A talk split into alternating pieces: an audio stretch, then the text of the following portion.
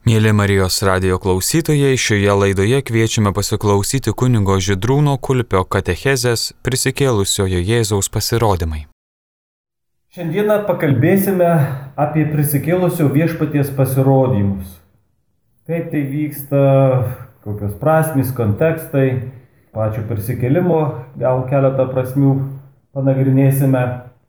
Mes ko gero kiekvienas esame pažįstami su tokiu gana gražiu paveikslėliu, kaip viešpats vaizduoja dailininkas, viešpats su lempa rankose stovi prie durų ir beldžiasi į duris.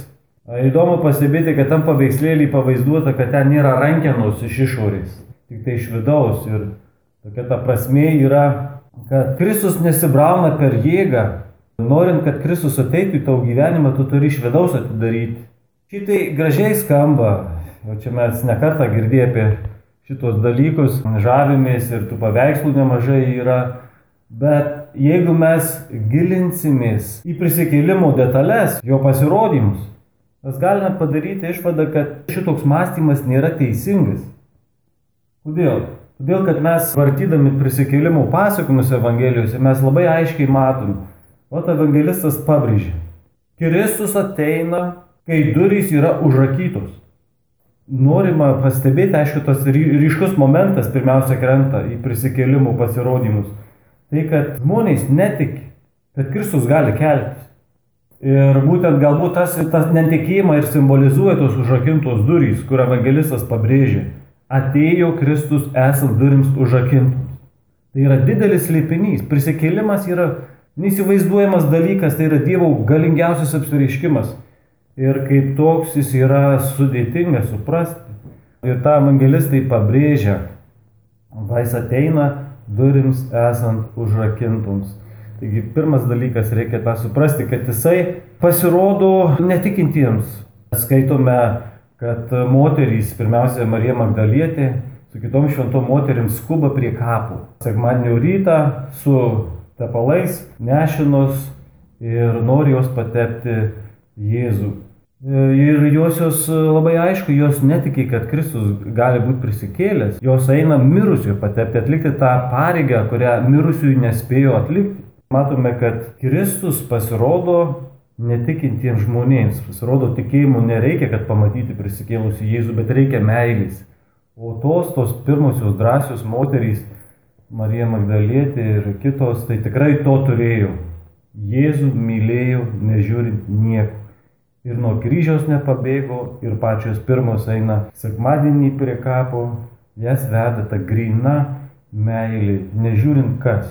Surasti, būti kartu ir mylėti viešpatį. Yra toksai pasakojimas, kad vieną kartą melžiantis Teresė Vilietė, išimtoji Jėzos Teresė, ir jai pasirodo šėtonas, bet jis ateina Jėzos pavydalę. Ir šventoji pažvelgus į demono ateimą, iš karto jį atstumia.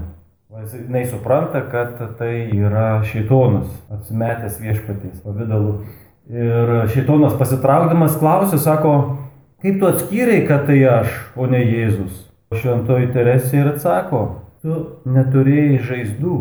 Tai va čia antras momentas toksai labai svarbus ryškus apie prisikėlusių pasirodymus. Jis pasirodo ir parodo savo žaizdas. O kaip mes kiekvienas turime asmens kodą mums priskirtą, taip Jėzus žaizdos yra tas unikalus požymis, per kurį Jėzus prisistato savo mokiniams. Vertėtų sustoti e, taip pat prie tos garsiosios Evangelijos su Tomo istorija, ne vieno Tomošiaus istorija, kurią randame Jono Evangelijoje 20 skyriuje pasižiūrėti, panagrinėti į tam tikrus aspektus, ką mes čia galime matyti, kaip viešpats prisikėlęs pasirodo jiems. Na tai kaip žinome tą istoriją, Jėzus pasirodo mokiniams, kurių tarpė nėra apaštalų Tom.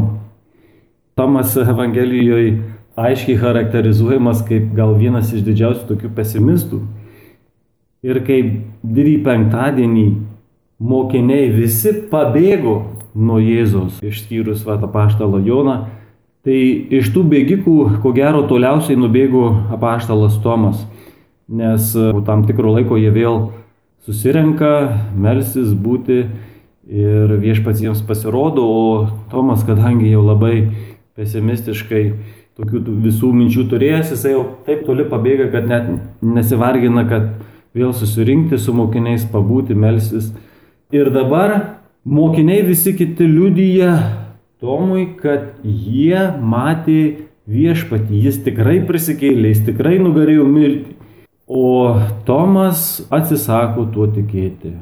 Čia mes turime labai svarbius dalykus, ką nori mums evangelistas pasakyti. Yra dvi krikščionių kartos. Pirmoji karta tai būtent ta karta, kuri realiai buvo su Jėzumi, matė Jėzų, kalbėjo, girdėjo viešpatį Jėzų, matė jo prisikėlimus, jo tą pasirodymą po prisikėlimų, realiai, konkrečiai, savo akimis matė. Ir antroji karta tai yra jau vėlesni krikščionys, Kristaus sekėjai, kurie realiai nematė Jėzaus, jo prisikėlimo, bet tai yra ta karta, kuri pašaukta tikėti Jėzaus prisikėlimu, remiantis pirmosios kartos liūdėjimu, kurie realiai matė. O čia reikėtų pabrėžti, kad mūsų tikėjimas Jėzaus prisikėlimu nėra kažkokia tai svajonė gražus optimizmas ar dar kas nors. Ne. Pagrindinis dalykas, kad mes tikime prisikėlimu, nes tai yra istorinis realus faktas, kurio liudytojai patyrę realiai buvo pirmosios kartos krikščionys. Jie tą matė, žiūrėjo ir žodžiu įsitikino pilnai ir jie liūdijo, jie skelbė tai. Ir mūsų tikėjimas ir remiasi šiuo liūdimu. Tomo istorijoje matome susikirtimus pirmosios ir antrosios kartos krikščionių. Pirmieji sako, mes matėme, Tomas atsisako tikėti, kol pats neįsitikins.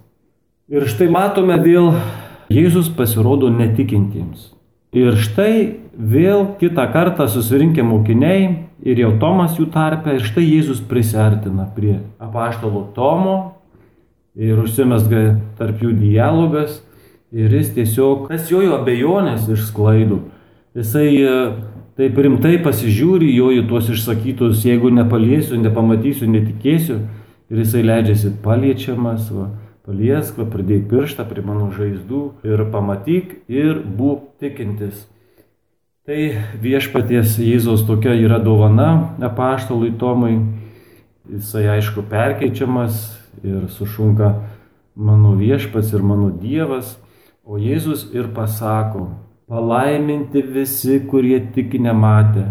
O tu pamatė ir įtikėjai, bet palaiminti visi tie, visos tos ateinančios kartos, visi krikščionys, kaip tie mokiniai, kurie pirmiausia buvo pamatę Jėzų, sakė, mes matėme, mes įsitikinom.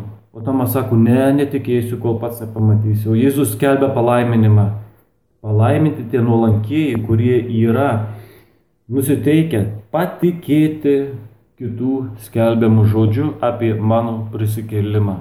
Čia turime pirmosios ir antrosios kartos krikščionių santykius ir mes esame pašaukti tikėti Jėzos prisikėlimu. Ne kažkaip tai įsivaizduotinai, bet remiantis šiuo realiu, konkrečiu paliūdėjimu tų, kurie matė.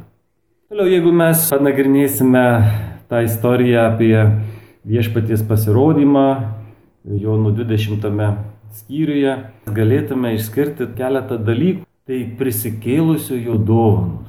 Jų yra penkios. Tai viešpats prisikėlęs ateina pas savo mokinius ir atneša tas nuostabes dovanas. Tai pirmiausia, ramybės dovana. Pat Jėzus atsistoja ir tarė, ramybė jums, suteikia tą ramybę.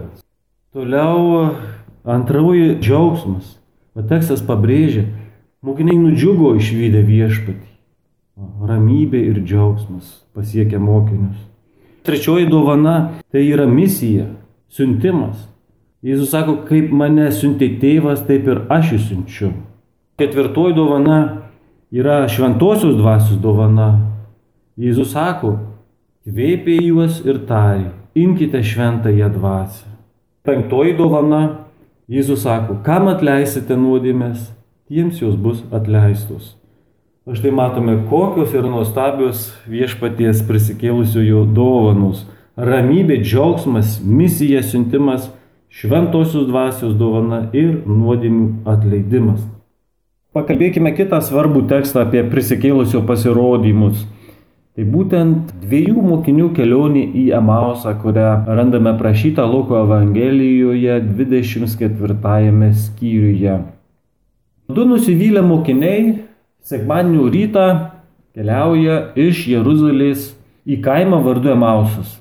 Labai gražiai komentuoja šitą tekstą kunigas ir dvasingumų knygų autorius Ronas Rolheiseris. Sako, kad štai šitas mokinių išėjimas iš Jeruzalės nėra tiesiog paprastas keliavimas. Evangelistui Jeruzalė nėra tik miestas, tai yra bažnyčios simbolis, tai mūsų tikėjimo svajonės įvaizdis.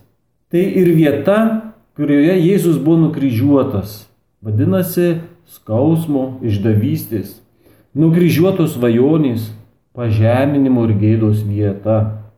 Kaip pasakoja Lukas, tie mokiniai sekmanio rytą pasišalina iš tos vietos, kuri tiek turi daug liūdnų prisiminimų. Čia galime išvelgti ir kitą prasme. Pasišalindami iš Jeruzalės, jie palieka bažnyčią, savo tikėjimo svajonę, Jie tiesiog pasišalina iš vietos, kurioje, kaip jie suprato, jų svajoniai pasibaigė gėda. Palikę Jeruzalę, jie eina į Emausą. O kas yra Emausas? Istoriniai tyrimai atskleidžia, kad tuo metu Emausas buvo rumėnų pramogų vieta. Jis panašus į mūsų laikų kurortą, kuriame žmonės randa prasiblaškimą, paguodą, žemišką atgaivą. Taigi tie du mokiniai daro, ką įprasta daryti, kai žmogaus siela yra sužeista. Skausmų vieta paliekama ir einama ten, kur galėtume gauti žmogiškos paguodos ar jau bent prasiblaškyti. Jie tai darė iš liūdėsio. Su Jėzos mirtimi ir jų svajonės buvo nukryžiuotos. Tas matosi iš jų žodžių, kuriuos jie atsako Jėzui, vad kai jie Jam pasakoja apie savo tikėjimą, mokiniai vartoja būtai laiką, o mes tikėjimais. Jų svajonė baigta, ji mirė, žuvo ir jų tikėjimas. Tad prieš mus situacija. Du nusivylę mokiniai pasišalina iš bažnyčios ir keliauja link prasiblaškimo ir žemiškos atgaivos, nes kryžiaus pažeminimas sudaužė jų svajonę į šipulius. Jų viltį žlugo ir ją keičia liūdėsys, koks būna, kai mus išduoda ar sugėdina. Štai dėl šio liūdėsio jie nesugeba atpažinti Jėzaus, kai jis pasirodo jiems kelyje. Jėzus kurį laiką keliauja su jais, o jie negali jo pažinti. Kodėl taip yra? Atsakymas lypia alyvų kalne. Būtent tame alyvų sode, Jėzaus agonijoje Prieš kančią Kristus liepia mokiniams būdėti ir nori, kad mokiniai išmoktų labai svarbę Getsemanės pamoką. O ta pamoka yra ši. Nėra kito kelio į garbę, kaip tik per pažeminimus. Nėra kito kelio į gyvenimą, kaip tik per mirtį. Be didžiojo penktadienio tamsos nėra Velykų sekmadienio šviesos. Panašu, kad mokiniai sunkiai įsisavino šią svarbę pamoką. Evangelistas pasakoja, kad vietoj būdėjimų ir maldos su kenčiančiu Kristumi mokiniai alyvų sodė tiesiog miegojo.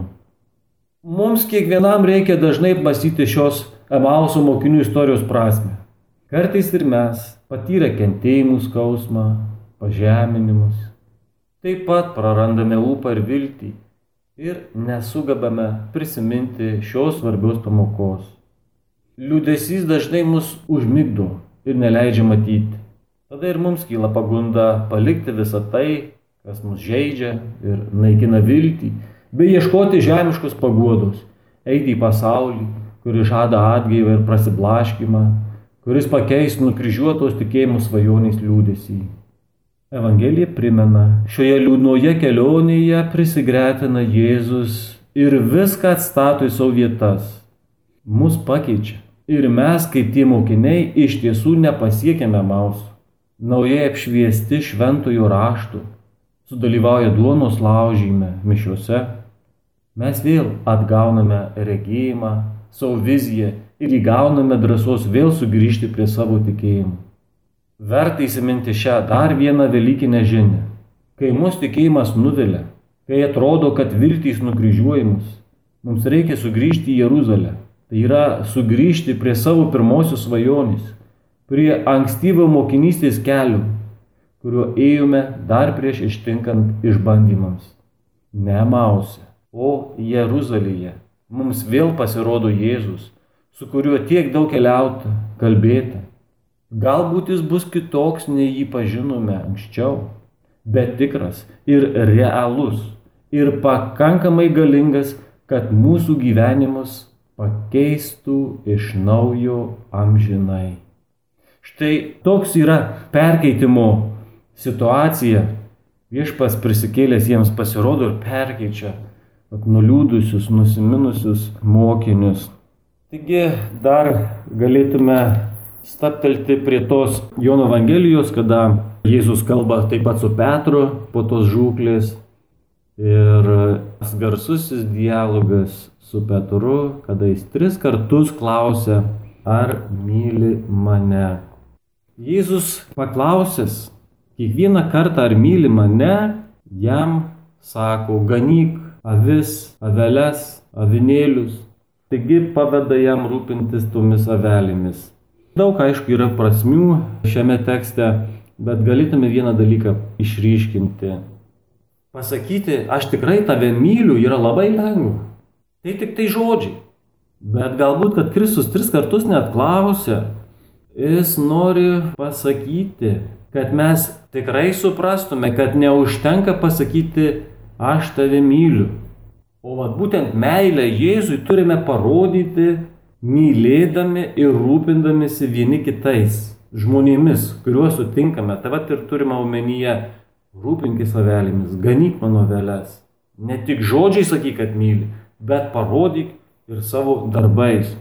Matome, Petras tą supranta, ir jau nežada pasaulio užkariauti Jėzui, bet nuolankiai priima tą ir išpažįsta viešpatė, tu viską žinai, tu žinai, kad tave myliu. Taigi ir mes negalime sustoti, kaip ir Petras, didį penktadienį, vien tik su gerom intencijom.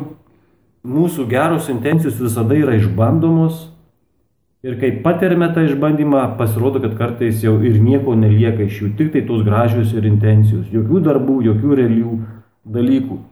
Bet va čia reikėtų prisiminti, kad Dievas nenusivelia mūsų silpnumu, mūsų klaidos neužkerta kelio Dievo maloniai, bet mūsų savo silpnumu, ribotumu tai reikia atsiverti Dievui, o visa kita jo rankose, jis viską perkeičia, moka viską ištaisyti, kaip sako patarliai, Dievas moka rašyti ir ant kreivų linijų.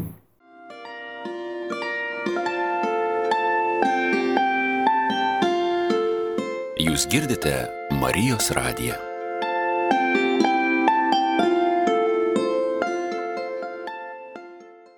Dar norėtųsi atkreipti dėmesį į vieną svarbų aspektą, būtent e, Jėzos pasirodymų tai, kad Jėzus pasirodo ne pavieniai kam nors kokiam žmogui, bet bendruomeniai. O čia yra labai irgi įdomus dalykas, į ką reikėtų atkreipti dėmesį.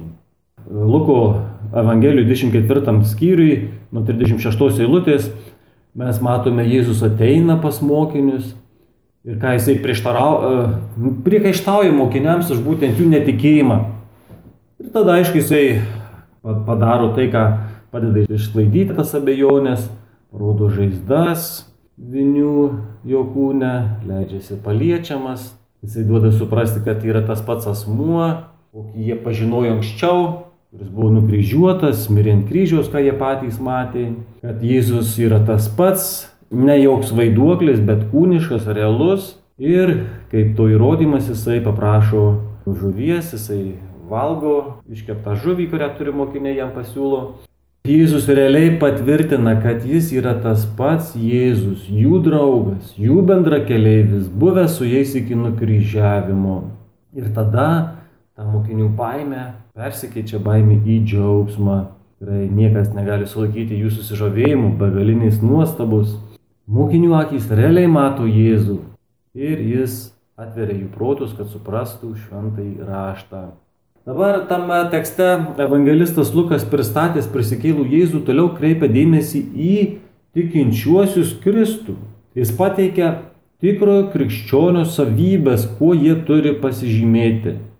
Pirmiausia, tikras krikščionis yra tas, kuris liūdija. Neužtenka tik tikėti prisikėlimu, jį skelbti. Mes turime jį liūdyti pirmiausia savo gyvenimu. Netikintis pasaulio žvelgdamas į mūsų gyvenimą turi būti įtikintas Kristaus prisikėlimu veikiančiu mumyse. Antras dalykas būdingas tikram krikščioniui - tikėti ir gyventi Dievo žodžiu. Visa Biblija kalba ir skelbia kenčiantį prisikėlusį Kristų. Ir tikras krikščionis tiki šio Dievo žodžio liudijimu. Dievas atvarė mums protus, kad tai suprastume. Visos šios krikščionių savybės susiveda į didį tikro krikščionių ženklą - atsivertimą. Tikintysis prisikėlusį Kristų yra pasikeitęs, atsivertęs žmogus. Kas čia turime omenyje? Atsako pats Jėzus. Aš jums duodu naują įsakymą, kad jūs vienas kitą mylėtumėte kaip aš jūs mylėjau, kad ir jūs taip mylėtumėte vienas kitą. Jono Evangelija 13 skyrius. Iš tiesų tikėti prisikėlusiu Jėzumi reiškia priimti jo pasiaukojimo nusistatymą į savo gyvenimą ir tuo kasdien gyventi rūpinantis kitais. Tai reiškia gyventi nesavanaudiškai.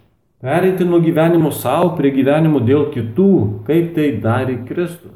Kada mes tikėjimą atsiduodame Kristui, apsisprendžiame sekti jo nurodytų nesavanaudiško rūpešio artimų pavyzdžių. Ir dar prisiminkė, ką pabrėžė evangelistas Lukas. Jėzus pasirodo susirinkusiai tikinčių bendruomeniai. O čia yra labai svarbi detalė. Jėzus ateina, jis gyvena bendruomenėje.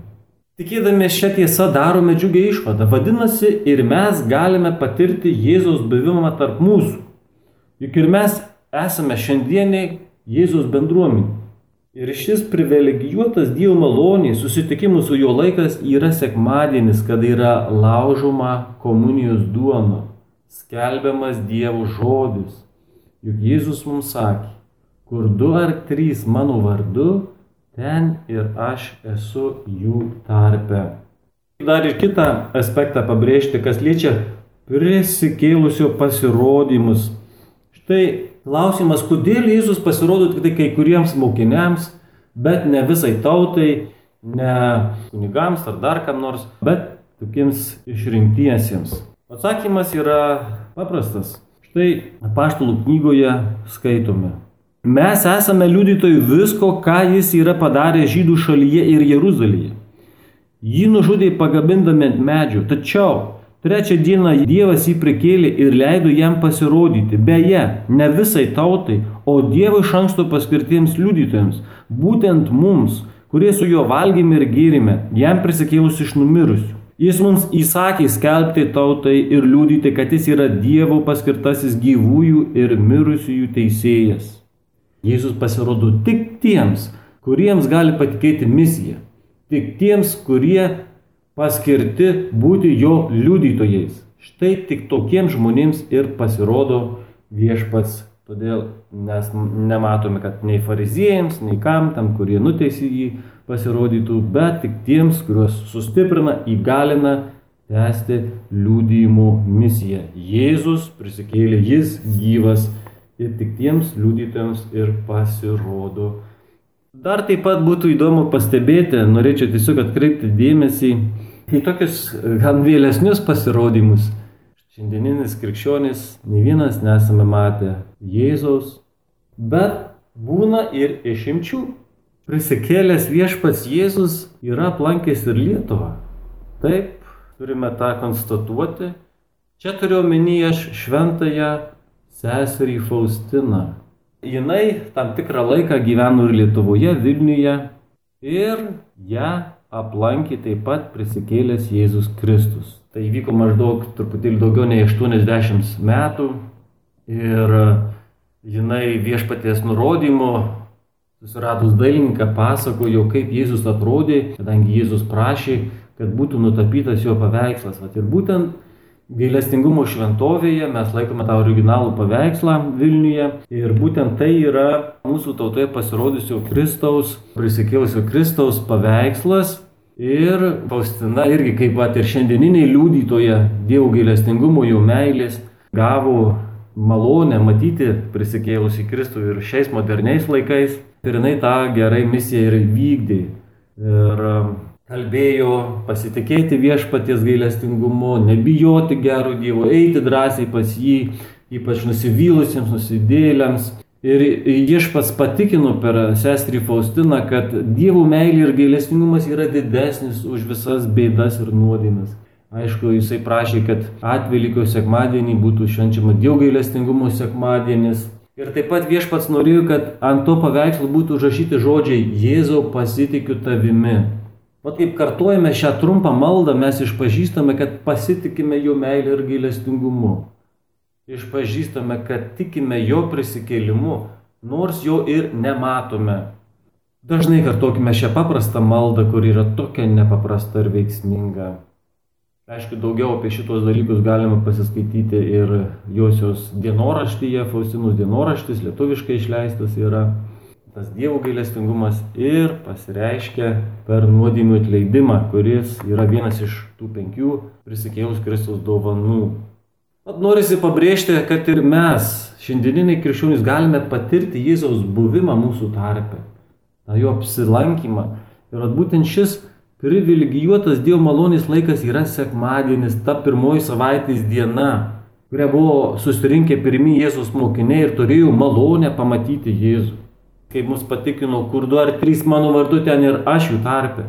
Prisikėlas Jėzus tikrai yra mūsų tarpe sekmadienio mišiuose. Būtent dėl to, kad Jėzus tikrai yra su mumis, nors jo ir nematome.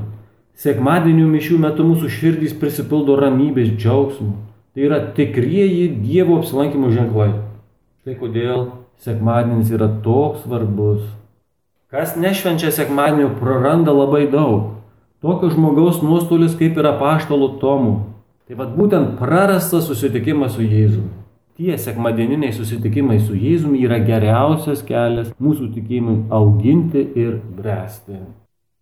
Na ir pabaigai dar norisi paliesti tokią prisikėlimo prasme gražią. Kad būtent Kristos prisikėlimas užtikrina, kad viskas gali pasikeisti. Niekada nėra per vėlų pradėti iš naujo. Nėra nuodėmės, kuri negali būti atleista. Bet kokia mirties forma gali būti įveikta. Kiekvienas praradimas gali būti atstatytas. Kiekviena diena yra nauja pradžia. Prisikėlimas atspindi Dievo pasitikėjimą mumis. Ir tada, kai mes patys nepasitikime savimi, mes galime atgauti prarastą nekaltumą.